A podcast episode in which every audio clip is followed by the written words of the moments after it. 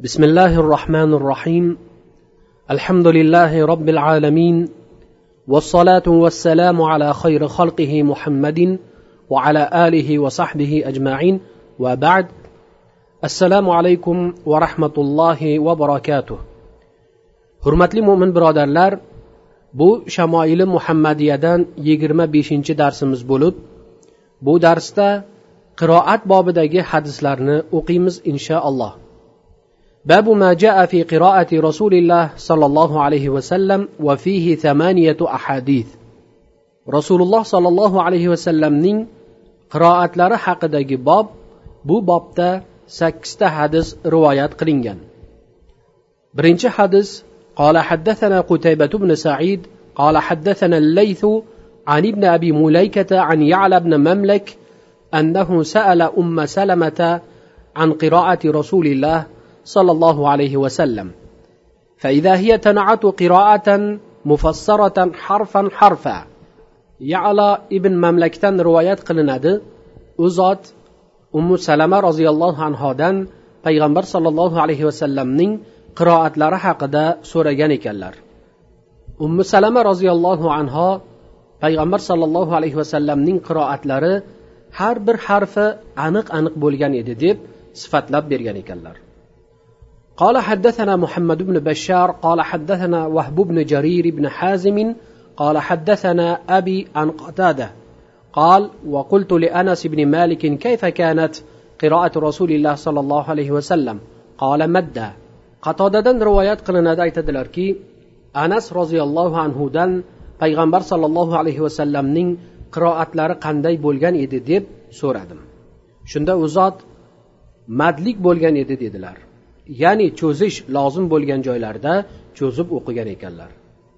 قال حدثنا علي بن حجر قال حدثنا يحيى بن سعيد الأموي عن ابن جريج عن ابن أبي مليكة عن أم سلمة قالت كان النبي صلى الله عليه وسلم يقطع قراءته يقول الحمد لله رب العالمين ثم يقف ثم يقول الرحمن الرحيم ثم يقف وكان يقرأ maliki yawmiddin. Umu salama roziyallohu anhodan rivoyat qilinadi. Aytadilarki payg'ambar sollallohu alayhi vasallam uzib uzib qiroat qilar edilar. Masalan alhamdulillahi robbil alamin deb so'ng bir oz to'xtab keyin ar rohmanir rohim der edilar. So'ng yana bir oz to'xtab maliki yavmiddin deb keyingi oyatni o'qir edilar. Ya'ni payg'ambar sollallohu alayhi vasallam agar qiroat qilsalar bir oyatni o'zidan keyingi oyatga qo'shib o'qimasdan balki har bir oyatning oxirida to'xtar ekanlar. Lekin bu hadisdan har oyatda to'xtash shartligi kelib chiqmaydi. Chunki qiroat mutaxassislari payg'ambar sollallohu alayhi vasallamning mana bunday o'qishlaridan maqsad ummatlarga ta'lim berish bo'lgan edi dedilar. Ya'ni har bir oyatning nihoyasini belgilab berish uchun mana shunday o'qigan edilar. قال حدثنا قتيبة بن سعيد قال حدثنا الليث عن معاوية بن صالح عن عبد الله بن أبي قيس قال سألت عائشة رضي الله عنها عن قراءة النبي صلى الله عليه وسلم أكان يسر بالقراءة أم يجهر؟ قالت كل ذلك قد كان يفعل قد كان ربما أصر وربما جهر. فقلت الحمد لله الذي جعل في الأمر ساعة. Abdulloh ibn abi qaysdan rivoyat qilinadi aytadilarki oysha roziyallohu anhodan payg'ambar sollallohu alayhi vasallam qiroatni sirriy qilarmidilar yoki jahriymi deb so'rasam u zot aytdilarki ikkisini ham qilar edilar. Goh sirriy goh jahriy shunda men dinda kengchilik qilgan allohga hamdu sanolar bo'lsin dedim. قال حدثنا محمود بن غيلان قال حدثنا وكيع قال حدثنا مسعر عن ابي العلاء العبدي عن يحيى بن جعدة عن ابي هاني قالت كنت اسمع قراءة النبي صلى الله عليه وسلم بالليل وانا على عريشي ام هاني رضي الله عنه dan rivoyat qilinadi aytadilarki men kechasi chaylamda turib payg'ambar alayhissalomning qiroatlarini eshitganman mulla ali qori aytadilarki ya'ni safarda bo'lganlarida soyabonlari ostida turib payg'ambar sollallohu alayhi vasallamning qiroatlarini eshitgan ekanlar boshqa rivoyatda esa to'shaklarida yotib yana bir rivoyatda so'rilarida yotib u zotning qiroatlarini eshitgan ekanliklarini bayon qilinadi قال حدثنا محمود بن غيلان قال حدثنا أبو داود قال أنبأنا شعبة عن معاوية بن قرة قال سمعت عبد الله بن مغفل يقول رأيت النبي على ناقته يوم الفتح وهو يقرأ. إنا فتحنا لك فتحا مبينا ليغفر لك الله ما تقدم من ذنبك وما تأخر. قال فقرأ ورجع. قال وقال معاوية بن قرة لولا أن يجتمع الناس علي لأخذت لكم في ذلك الصوت أو قال اللحن. معاوية بن قرة روايات قلنا دايت دلاركي. عبد الله بن مغفلdan eshitdim u zot aytdilarki men makka fath qilingan kunda payg'ambar sollallohu alayhi vasallamni tuyalar ustida turib ushbu oyatni inna fatahna laka fathan mubina liyaghfira lakallohu ma taqaddama min dhanbika va ma ta'akhkhar oyatini o'qiganliklarini ko'rganman. O'shanda madlarini o'z o'rniga qo'yib chiroyli qiroat qilgan edilar. Muoviyat ibn qurra aytadilarki agar odamlar atrofimga to'planib ketishlari xavfi bo'lmaganda edi men ham o'sha ovozda roviy shak qilib yoki o'sha ohangda o'qib bergan bo'lardim قال حدثنا قتيبة بن سعيد قال حدثنا نوح بن قيس الحداني عن حسام بن مسك عن قتادة قال ما بعث الله نبيا إلا حسن الوجه حسن الصوت وكان نبيكم حسن الوجه حسن الصوت وكان لا يرجع qatodadan rivoyat qilinadi u zot aytadilarki alloh taolo qaysiki payg'ambarni xalqiga elchi qilib yuborgan bo'lsa albatta unga chiroyli yuz va go'zal ovozni inom etgan. Sizlarning payg'ambaringiz ham ana shunday chiroyli yuz va go'zal ovozli bo'lgan edilar va u zot qiroatlarida ortiqcha mad qilmay o'qir edilar. قال حدثنا عبد الله بن عبد الرحمن قال حدثنا يحيى بن حسان قال حدثنا عبد الرحمن بن أبي الزناد عن عمرو بن أبي عمرو عن عكرمة عن ابن عباس رضي الله عنهما قال كانت قراءة النبي ربما يسمعها من في الحجرة وهو في البيت.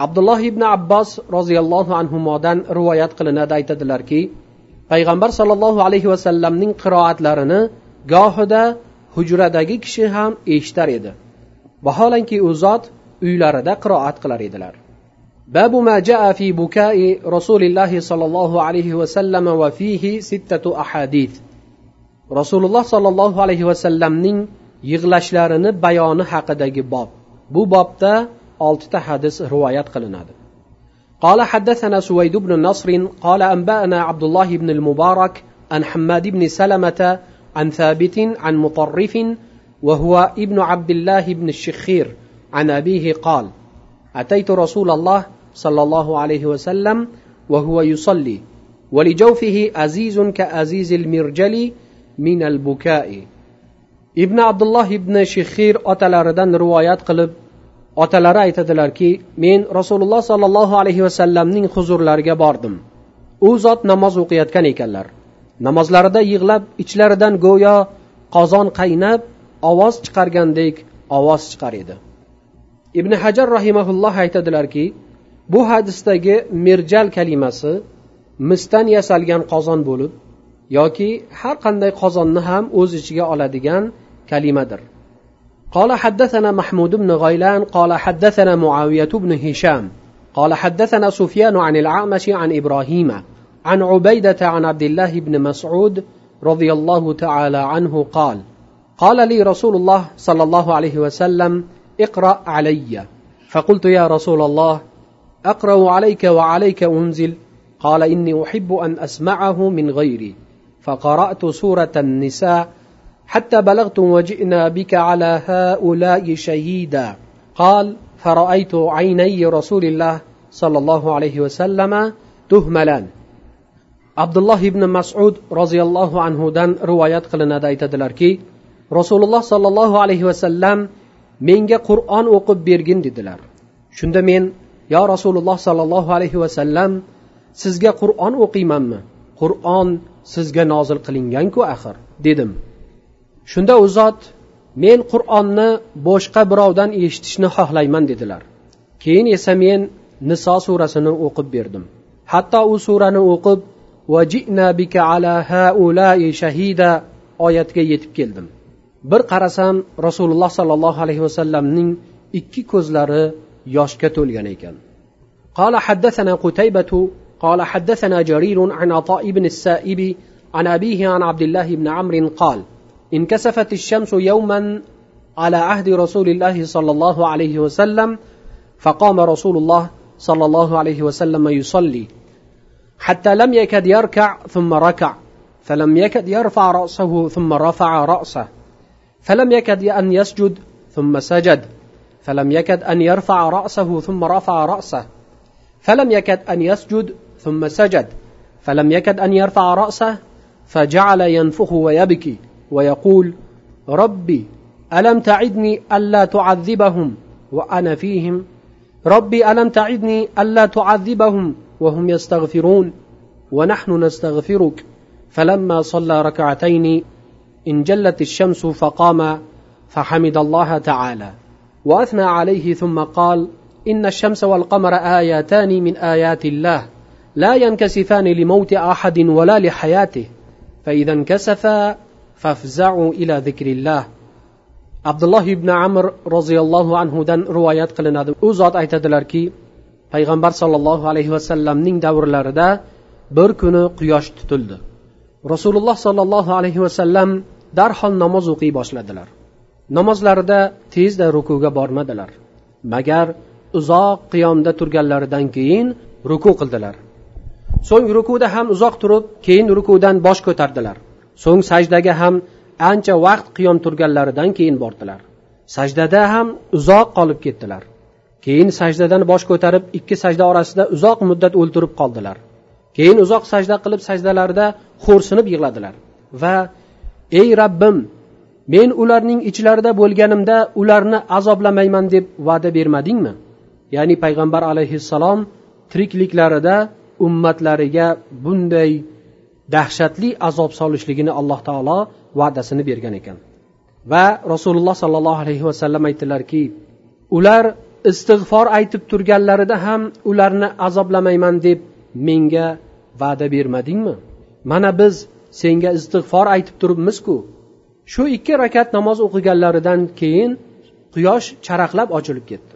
Keyin rasululloh sollallohu alayhi vasallam o'rnilaridan turib alloh taologa hamdu sanolar aytdilar. So'ng aytdilarki quyosh bilan oy alloh taoloning mo'jizalaridan bir mo'jizadir. Bular birovning o'lganligi uchun yoki hayoti ya'ni tug'ilganligi uchun tutilmaydilar. Agar tutilib qolsalar darrov alloh taoloning zikriga shoshilinglar.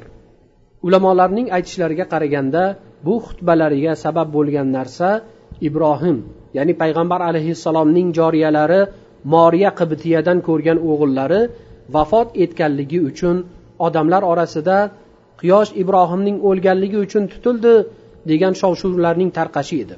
Ya'ni mana shu sababga ko'ra xutba qilgan edilar. Shuning uchun bu noto'g'ri tushunchani bartaraf qilish maqsadida quyosh va oy nima sababdan tutilishini haloyiqqa tushuntirib ular alloh taoloning yakka yagonaligiga dalolat qilguvchi mo'jizalardan ekanligini va biror bir ulug'ning tug'ilishi yoki o'limi uchun tutilmasligini bayon qildilar. Shu sababdan kelib chiqib hanafiy ulamolar quyosh tutilganda shunga xoslab xutba qilish yo'q deydilar lekin boshqa mazhab ulamolari esa quyosh tutilishi uchun namoz o'qib alohida xutba qilish lozim deydilar قال حدثنا محمود بن غيلان قال حدثنا أبو أحمد قال حدثنا سفيان عن عطاء بن السائب عن إكرمة عن ابن عباس قال أخذ رسول الله صلى الله عليه وسلم ابنة له تقضي فاحتضنها فوضعها بين يديه فماتت وهي بين يديه. وصاحت أم أيمن فقال يعني النبي أتبكين عند رسول الله صلى الله عليه وسلم؟ فقالت ألست أراك تبكي؟ قال إني لست أبكي إنما هي رحمة. إن المؤمن بكل خير على كل حال إن نفسه تنزع من بين جنبيه وهو يحمد الله عز وجل. Abdulloh ibn abbos roziyallohu anhudan rivoyat qilinadi aytadilarki rasululloh sollallohu alayhi vasallam jon berayotgan qizchalarini qo'llariga olib bag'rilariga bosdilar va qo'ynilariga qo'ydilar. U payg'ambar sollallohu alayhi vasallamning oldilarida jon taslim qildi. Umma ayman ovozini ko'tarib yig'lab yubordi. Shunda rasululloh sollallohu alayhi vasallam unga ollohning payg'ambarini oldida ovoz ko'tarib yig'i solasanmi dedilar. U esa o'zingiz ham yig'layapsizku dedi. Rasululloh sollallohu alayhi vasallam men yig'lamayapman balki bu alloh taolodan bo'lgan rahmatdir. Mo'min banda har qanday holatda ham yaxshilikda bo'ladi. Joni olinayotgan lahzalarda ham rabbisiga hamdlar aytib turadi dedilar. Bu jon taslim qilayotgan qizcha payg'ambar sollallohu alayhi vasallamning qizlari bo'lmish zaynab roziyallohu anhoning qizlari edi ya'ni nabiralari edi. Arablar nabiralarini qizi yoki o'g'li deyishlari yoki bobolarini ham otasi deb atashlari ular ichida avj olgan odatlardan edi. Avvalgi hadislarda ham payg'ambar sollallohu alayhi vasallamning o'zlari ham mana shunday uslubni ishlatib hunayn g'azovoti kuni men haq payg'ambardirman yolg'onchi emasman abdul muttalibning o'g'lidirman degan edilar. Vaholanki abdul muttalib bobolari edi. Otalarining ismi esa abdulloh bo'lgan edi. Ulamolar aytishlariga qaraganda bu jon taslim qilayotgan qizcha o'sha vaqt vafot etmagan ekan.